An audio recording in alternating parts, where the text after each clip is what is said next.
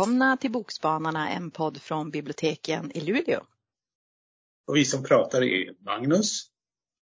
Julia. Annika.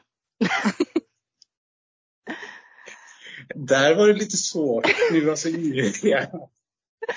Men det är ju naturligtvis är vi ivriga för nu ska vi prata om träd, om skogar och det är ju en del av alla svenskars hjärtan. Eller? Ja, men det måste det väl vara. För vad är Norrbotten inte fullt av? Om inte träd. Kalhyggen. Ja, kalhyggen. det också. Men förhoppningsvis finns det mer träd. Eh, och om man lämnar hembygden så längtar man väl alltid hem, eller? Mm. Ja, men absolut. Kanske. Jag har läst Alla måste söderut av Marie Lundström. Och eh, den handlar om Eva. Hon flyttade söderut från Luleå ner till Stockholm när hon var 19 år. Och hon var en av de många som lockades söderut med flyttbidraget som fanns via AMS under många år där under 80-talet där de ville få ner arbetskraft söderut. Eh, och boken börjar då med att Eva får veta att hennes pappa plötsligt har dött hemma i lägenheten i Luleå och hon hamnar i chock. Hon var inte redo. Så hon blev väldigt, väldigt, väldigt chockad. Pappan skulle ju alltid finnas där. Det är ju han som var närmast. Hon har en mycket närmare relation med sin pappa än sin mamma. Eh, och det är ju en relationsroman det här. För det handlar ju om sorg och saknad. Och Eva då funderar mycket kring sin pappa och över sig själv och sitt liv. Vad, hur, vad hade hon för likheter med pappan? Vad är det för skillnader? Det blir ju nästan typ som också en sorts eh, inte vet jag, räkenskap över livet. Det är många tankar som, som väcks. Eh, hon går igenom sin pappas saker med hans sambo och fixar inför och efter begravningen. Hon ärver ju sin fars del av släktgården och hamnar då i, lite i konflikt med sin fasters man. Och vad ska hon göra? Vad ska de göra med släktgården då? Hennes farmor och farfars hem eh, som hon tillbringade så mycket tid i och sista gången hon var upp för att träffa pappan då var de ju där eh, i stugan så vad, vad, ska hon, vad ska hon göra? Det är så mycket, mycket eh, hon har mycket på jobbet, det är en jobb, jättejobbig chef som har massa åsikter och som hon anpassar sig efter även om hon tycker det skaver ibland. Hon går all in på jobbet. Eh, hon hamnar i en ny relation med en man med en jobbig exfru och två tonårsbarn som hon bara som på något sätt ramlar in i relationen med han. Eh, så vad vill hon egentligen? Hon både irriterar sig på den här mannen och håller fast vid honom liksom som en boaorm. Och kan hon egentligen älska någon? Så hon är 38 då. Och nu hon frågar sig liksom vad, vad är livet på väg? Vad vill jag? Är det här, alltså ska, det, ska det vara så här? Så att eh, hennes pappas död riktigt som skakar om allting. Istället för att gå kvar i gamla hjulspår så måste hon på något sätt stanna upp och eh, ja, titta upp. Jag tyckte att den var bra. Det enda jag inte riktigt gillade var att ibland var det som att Eva delades upp i två, att hon hade en konversation med sig själv som att hon var liksom en driftig Eva och den här underflyende kunde inte ta sig något för, som att hon höll som så samtal mellan eh, på mm. vissa ställen. Och det var jag inte riktigt så här, jag förstår ju varför man gör det för att få till som någon typ inre spänning över att man vill åt, åt ett håll men också åt ett annat och vad ska man göra liksom. Men jag vet inte om jag tyckte att det hundra funkade men jag tycker absolut man ska läsa den. Jag tyckte att den var bra. Mm. Mm. Jag har då läst Bland blommor, en vandring i Himalaya av eh, Jamaica Kincaid. Eh, och den här boken den gavs ursprungligen ut 2005 på engelska men i år så har den blivit översatt till svenska av förlaget Tranan. Och ni som kanske känner till Jamaica Kincaid att hon har skrivit eh, ja, men, eh, ganska kända böcker om relationer och liksom mor-dotter-relationer och så ön i Antigua där hon växte upp och sådär. Eh, det som kanske inte alla riktigt vet är att hon också är en hängiven eh, trädgårdsodlare. Och i början av 2000-talet så fick hon ett erbjudande om att följa med några vänner på en sån här fröinsamlingsresa eh, till Himalaya på bergsluttningarna och så samla fröer för hennes vänner de hade plantskola så de samlade in sådana här fröer från olika delar av världen och så kunde de då hitta sådana här fantastiska nya växter. Och så fick hon det här erbjudandet och hon tackade ja fast hon var lite så här, ja men alltså ska jag lämna min son här och hemma. Men hon kunde som inte motstå det här ändå.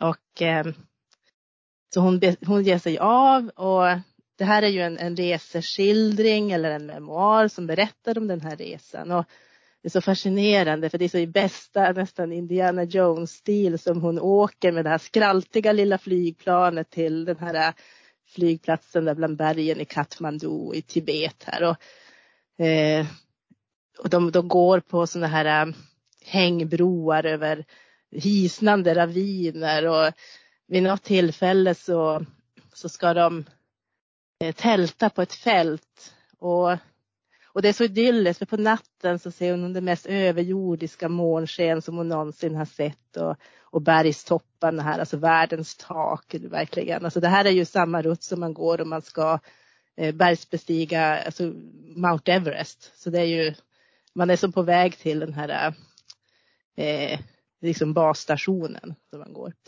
Och, och, men samtidigt när de hade, när de hade så här, eh, slagit läger på det här fältet. Så när hon drar upp tältduken på morgonen så, så kryper det fullt av blodiglar på tältet. Och, eh, så det är så här, å ena sidan väldigt vackert och å andra sidan väldigt strapatsfullt och så. Sen är det också att eh, då i början av 2000-talet så rådde det en konflikt mellan eh, eh, liksom regeringen, alltså den tibetanska regeringen och den maoistiska gerillan i området. Och, och de var livrädda när de gick där också för att i vissa bergsbyar när de kom dit så, så hade ju maoisterna liksom tagit kontrollen. Och på en del ställen fick de inte stanna och slå läger och på andra ställen var de tvingade att muta de här som, som, eh, som styrde. Eh, så de var ju väldigt rädda att de skulle hamna i skottlinjen mellan de här grupperna. Då.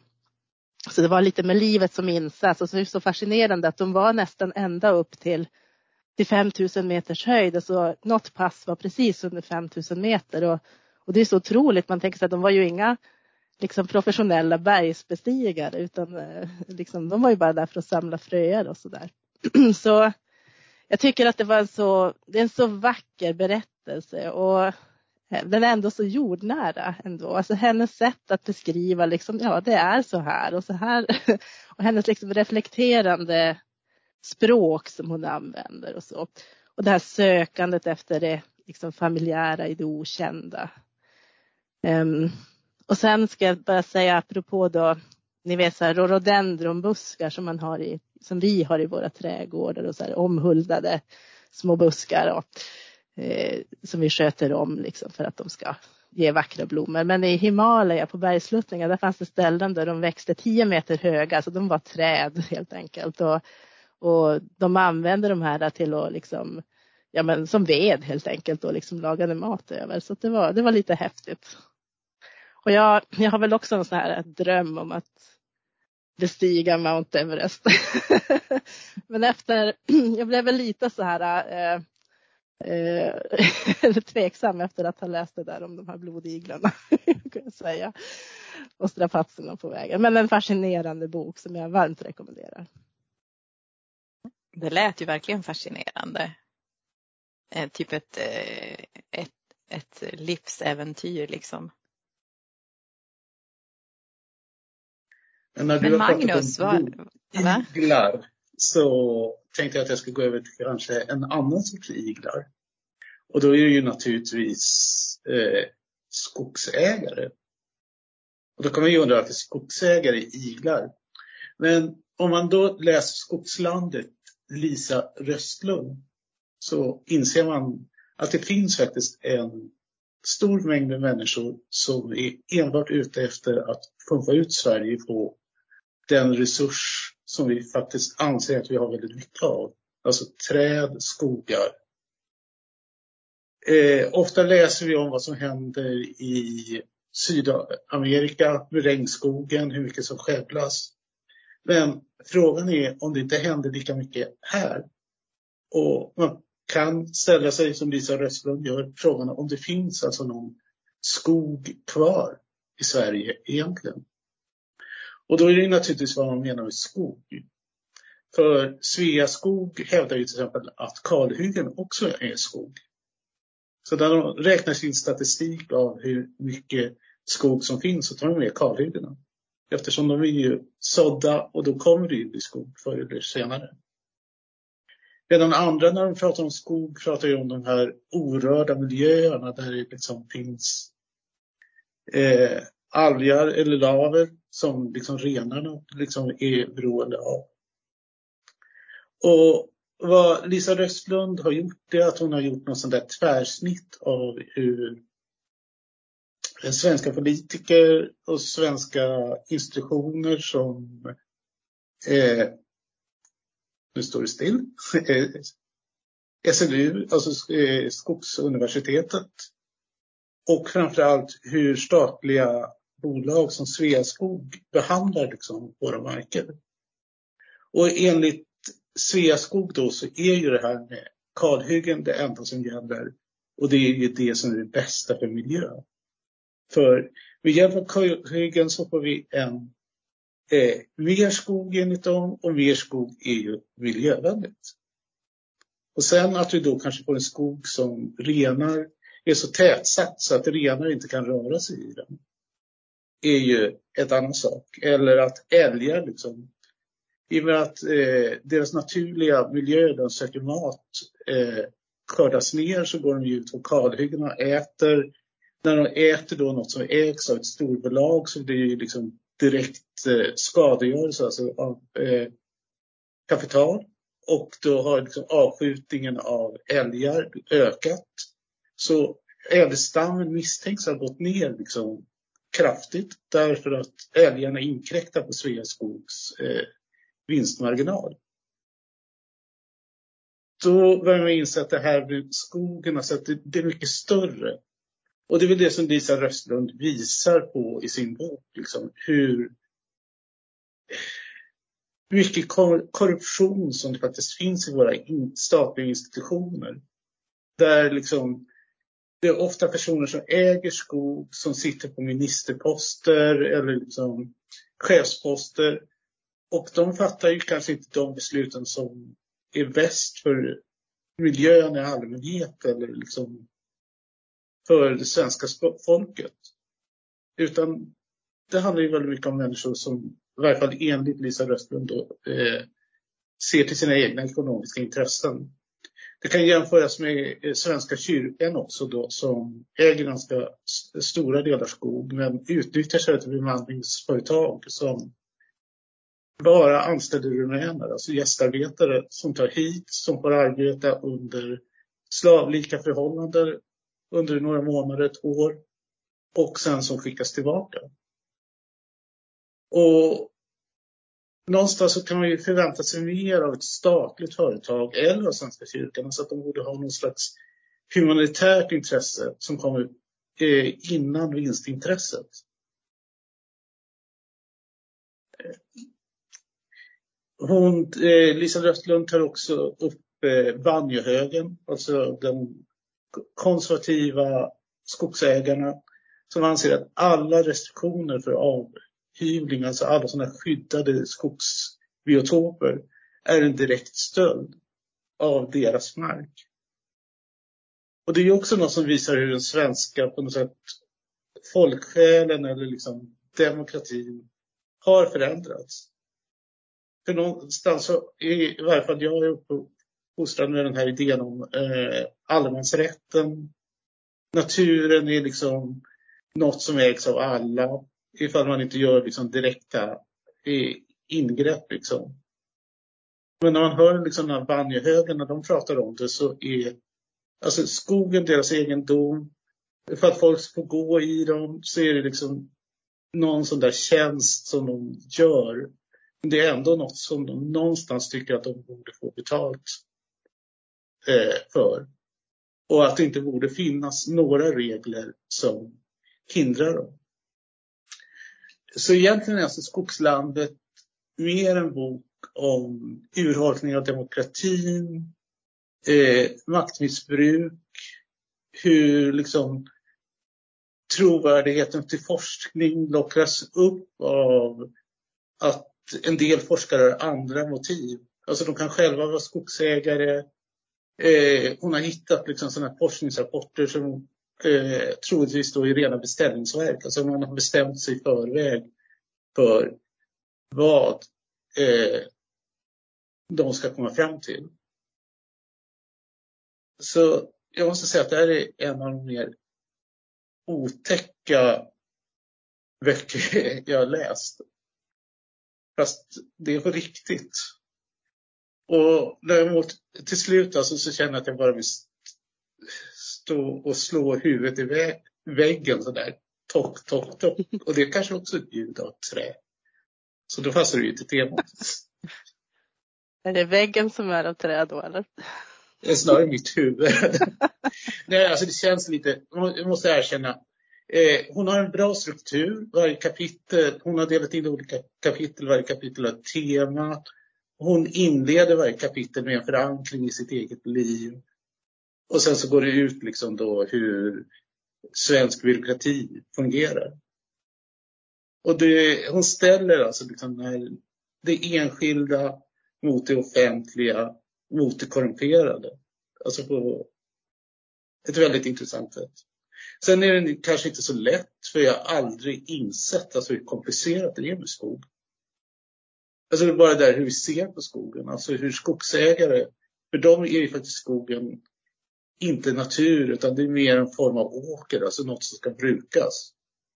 Så även eh, skogsägarna är långt ifrån homogena utan där handlar det ju om väldigt irriterade och ilskna debatter om hur man liksom faktiskt ska bruka.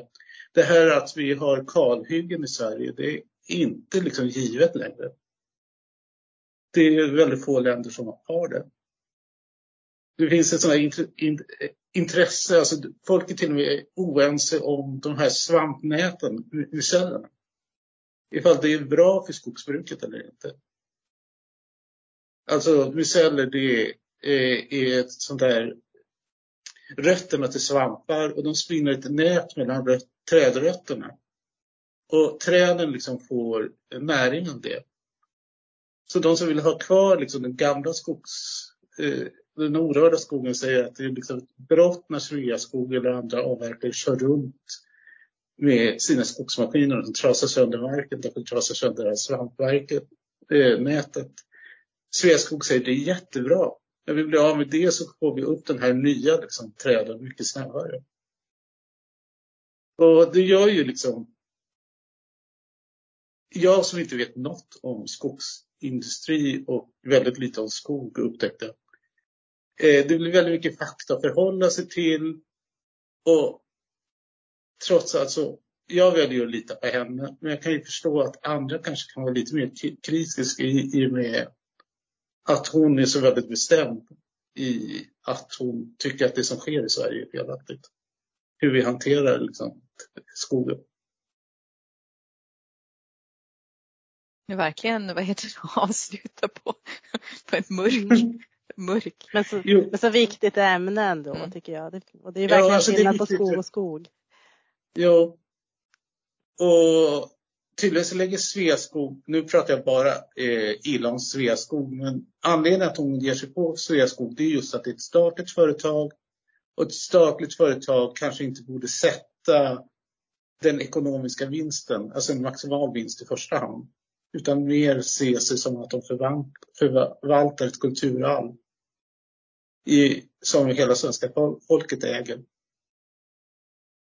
Eh, nu tappar jag bort mig. Jo, eh, hon visar på hur mycket pengar Sveaskog lägger ner på att omdefiniera vad som är skog. Alltså att det, eh, de har lobbyister i EU och helt plötsligt så flyttar EU på gränsen för vad eh, för vad som är skog. Alltså att skog en gång var en yta på två fotbollsplaner ungefär och det skulle vara en eh, kronhöjd på 900 meter eller något sånt. Och så fattas ett beslut som säger att en skog det är minst en fotbollsplan med en kronhöjd på 700 meter. Och då har vi helt plötsligt mycket mer skog i Sverige. Trots att det har avverkats mycket, mycket. Och helt plötsligt vet ingen riktigt hur mycket skog som finns. Och hur mycket alltså, urskog finns det av det här? Ja, naturskog. Ja, naturskogen är väl i princip borta om man ska tro en. Ja, det tål att tänka på. Mm. Ja. Och tyvärr, alltså jag har inte gett denna bok rättvisa på något sätt. Så det är liksom bara att kasta sig in och sen försöka hänga med. Men det är viktigt är liksom också demokratiaspekten, eh, alltså vad som händer med eh, ett samhälle som inte längre förvaltas av tjänstemän som på något sätt är drivna av ett kall utan drivna av sina egna vinstintressen. Ja, till, ja, jag, bara, jag vet inte hur jag ska avsluta det där. Eh, det är lika bra att skratta åt det för förr eller senare ja, det... så måste man ju ta någon sorts ställningstagande. Men tänk vad bra, tänk om flera skulle läsa den här boken. Tänk om det skulle kunna mm. bli en stor debatt och liksom alla skulle kunna liksom vara med jo. i den här debatten. För man måste ju känna till lite vad som händer för att kunna också ja, prata jo. för det och liksom och ha en åsikt. Det är svårt att ha en åsikt om man inte känner till heller vad som pågår. Mm. Nej men alltså det gäller ju inte bara Sveaskog. Alltså det är ju väldigt märkligt med de här statliga företagen som på samma gång som de ska ha vinstdrivande maskiner så, så är de ju också samhällsbyggande. Alltså hela Malmfältet är ju uppbyggt runt LKAB. Och jag har så svårt att känna att det är enbart eh, pengarna som det ska handla om där. Alltså det borde ju vara viljan att eh, folk faktiskt kan bo på flera ställen i Sverige. Och så att förse människor med arbete. Och det gäller ju skogsindustrin också. Alltså trots allt så, det är ju viktigt att det bor folk i, även i inlandet, även i skogstrakterna. Och då är ju skogsindustrin eh, ett sätt att överleva. Men man kanske inte liksom behöver, behöver göra det så storskaligt och så brutalt som Sveaskog gör. Alltså det finns ju andra sätt att avverka skog. Men det är intressant om man tittar i andra länder också. De har börjat restaurera vissa naturområden, både våtmarker och skog och så här. Att man har alltså fått, menar, man har fått börja återställa sånt där som har mm. blivit. Det är ju också. Sen när vi hamnar där. Mm, det ska vara bättre att vi lyckades bevara det vi har. Ja, till och med, ja precis. Om vi skulle kunna föregå det där. För jag tänker det är ju sån, ja, men, det här med liksom mångfald, biologisk mångfald och folk som bor där som du säger. Och det finns ju många verksamheter som natur, miljöturism och sånt där. Och, eh, och folk som lever av liksom naturen där de bor. Mm. Och det där med rennäringen, alltså att det kan vara fel sorts träd för renarna. Det, det har jag aldrig tänkt på. Alltså man tar ju och planterar in andra sorter, alltså inte de som har växt här under lång tid. Som visserligen då är mer snabbväxande, men de innehåller inte liksom den näringen som renarna behöver. Då kan man ju undra hur det påverkar älgar och liksom andra djur. Och även det där att man planterar det så tätt så att djuren inte kan ta sig fram. Då ökar ju olyckorna på vägarna istället. Så det är liksom en sån här kedja som rör sig hela tiden. Med en orsak någonstans i fjärran och sen så händer det något helt annat. Det är alltid spännande med sådana böcker som väcker så mycket tankar och känslor och man får lära sig någon, någonting nytt och får liksom en ny insikt om liksom samhället vi lever i. Kände du att du ville säga någonting mer om den eller ska vi ta och avsluta nu? Jag tror att det är bäst att avsluta, annars kommer jag på något annat som jag måste berätta för Ja, nej men jag tycker att man ska läsa Alla måste söderut av Marie Lundström. Och jag rekommenderar Bland blommor en vandring i Himalaya av Jamaica Kincaid. Och jag rekommenderar Skogslandet av Lisa Röstlund. Ja. Tack för oss. Hej då. Hej då!